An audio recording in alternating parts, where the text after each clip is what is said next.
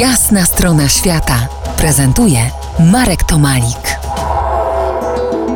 Po jasnej stronie świata Dagmara Bożek, uczestniczka wypraw naukowych pod biegunami i autorka książek o tematyce polarnej.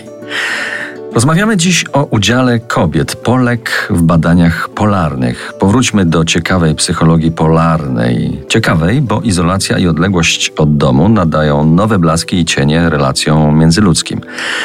Podobno wyróżnia się rozmaite syndromy polarne. Ja akurat powiem o trzech takich najbardziej charakterystycznych. Pierwszy syndrom to jest syndrom zimownika, czyli osoby, która spędza w stacji cały rok. Jest on związany stricte z okresem nocy polarnej, czy właśnie też mniejszej, y, mniejszego wystawienia na działanie promieniowania słonecznego, co, spowoduje, co powoduje na przykład spadki dobrego samopoczucia, stany depresyjne, przygnębienie, które się obserwuje właśnie w okresie nocy polarnej. E, drugi syndrom to syndrom T3. E, dotyczy on poziomu hormonów tarczycy, które regulują metabolizm i funkcjonowanie organizmu człowieka. Więc jeżeli tutaj dochodzi do zaburzeń, też również pojawia się apatia, pojawia się zniechęcenie, to też w jakiś sposób wpływa później na relacje w grupie, nie tylko na samego człowieka, którego ten syndrom dotyczy. I trzeci, który nazywa się bardzo malowniczo, ale nie ma nic wspólnego ze spożywaniem alkoholu, to syndrom trzeciej ćwiartki, polegający na tym, że rok, czyli okres zimowania dzieli się na cztery części i ten Trzeci z kolei okres jest najtrudniejszy, ponieważ y, jeszcze zostało sporo czasu do zakończenia wyprawy. Natomiast w ludziach budzi się coś takiego, że już jesteśmy po nocy polarnej, wow, już wracamy do domu. I tutaj się pojawia bardzo dużo zagrożeń, takich jak na przykład spadek uwagi, powiedzmy taka rutyna, która powoduje do niebezpiecznych i nieodpowiedzialnych zachowań. Zaczynamy na przykład wychodzić w teren bez radiotelefonu, bo już twierdzimy, że doskonale sobie jesteśmy w stanie poradzić.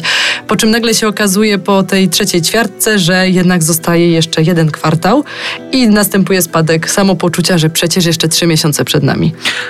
A powiedz, jak działają nasze zmysły? Inaczej niż y, pod szerokościami geograficznymi, które nam są bardziej dedykowane? W moim odczuciu ja widziałam bardziej wyraźnie kolory, może dlatego, że krajobraz jest trochę monochromatyczny, zwłaszcza w okresie zimowym, więc wszelkie czerwienie, oranże, seledyny to było coś niesamowitego, jeżeli ktoś miał takie ubrania w stacji. Ja na przykład miałam seledynowe spodnie dresowe, w których chodziłam regularnie w czasie nocy polarnej.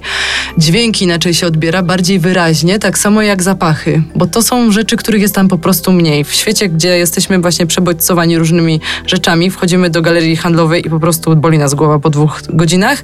Tam praktycznie nie ma czegoś takiego. A powiedz, mężczyźni czy kobiety lepiej znoszą trudy pracy i trudy rozłąki z najbliższymi? Ja bym tutaj szczerze mówiąc nie rozgraniczała. Po prostu bardziej bym mówiła, operowała pojęciem człowiek-ludzie. Jakby mam y, przykłady, znam przykłady osób, które sobie świetnie radziły na zimowaniu i osób, które radziły sobie fatalnie pod względem takim rozłąki samotności. I tutaj chyba to nie ma płci akurat. Za kilkanaście minut y, ostatnia odsłona naszej rozmowy o kobietach pod biegunami. Zostańcie z nami po jasnej stronie świata.